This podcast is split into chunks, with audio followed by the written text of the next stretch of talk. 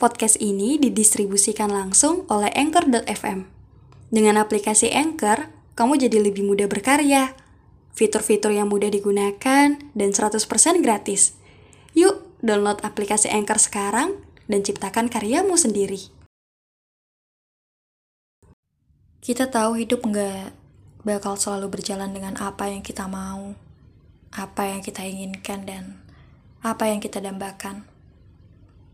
Mimpi-mimpi yang dulu bertebaran, semakin dewasa, semakin ngerasa semua yang diimpikan tuh ya, ya cuman sebatas mimpi. Karena sekarang, realita hidup sudah kita mainkan. Semakin banyak hal yang dulu diidamkan, kini sudah tercap mustahil.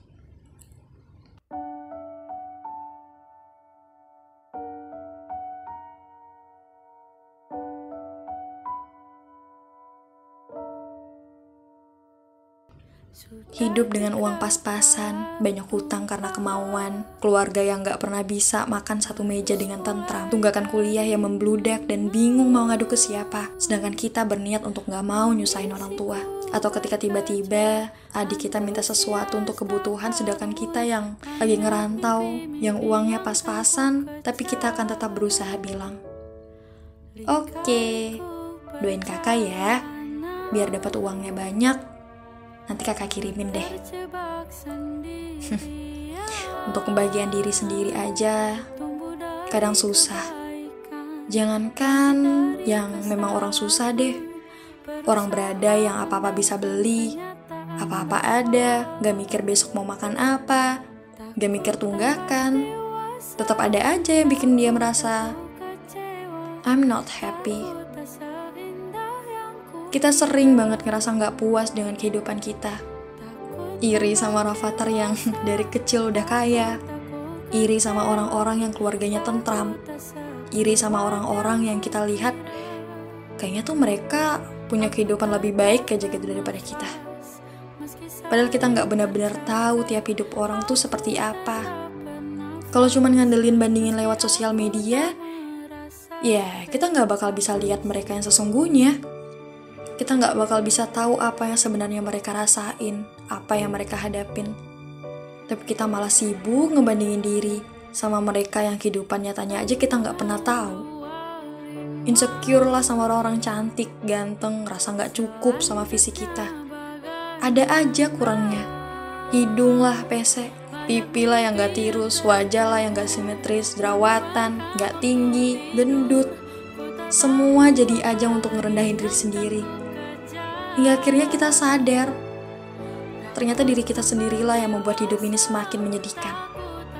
Selalu ngerasa nggak cukup sama apa yang kita punya, apa yang kita jalani. Kita akhirnya nggak pernah bisa merasakan bahagia karena terus-terusan merasa kurang.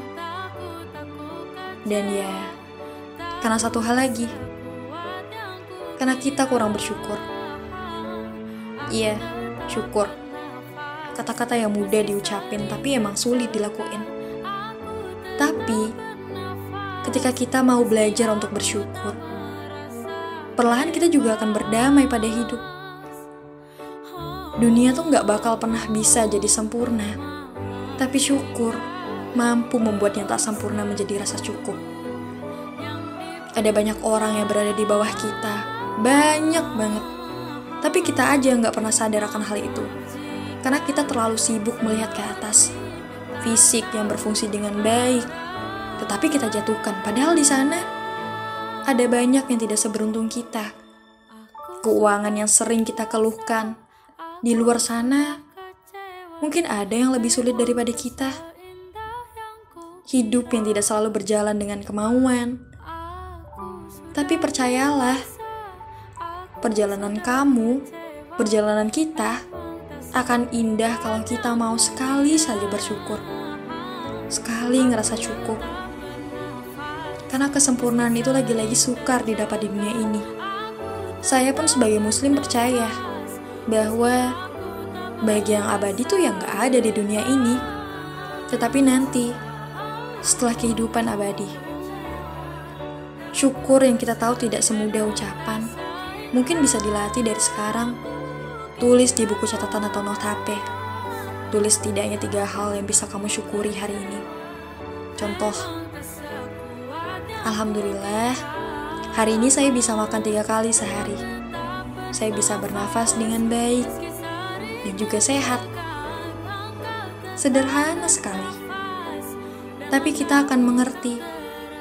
Ternyata penting untuk melihat sisi baik agar mengoles dan menutupi sisi-sisi yang buruk. Karena ternyata untuk menjadi sempurna kita cuma butuh satu hal. Bersyukur untuk apa yang ada pada diri kita.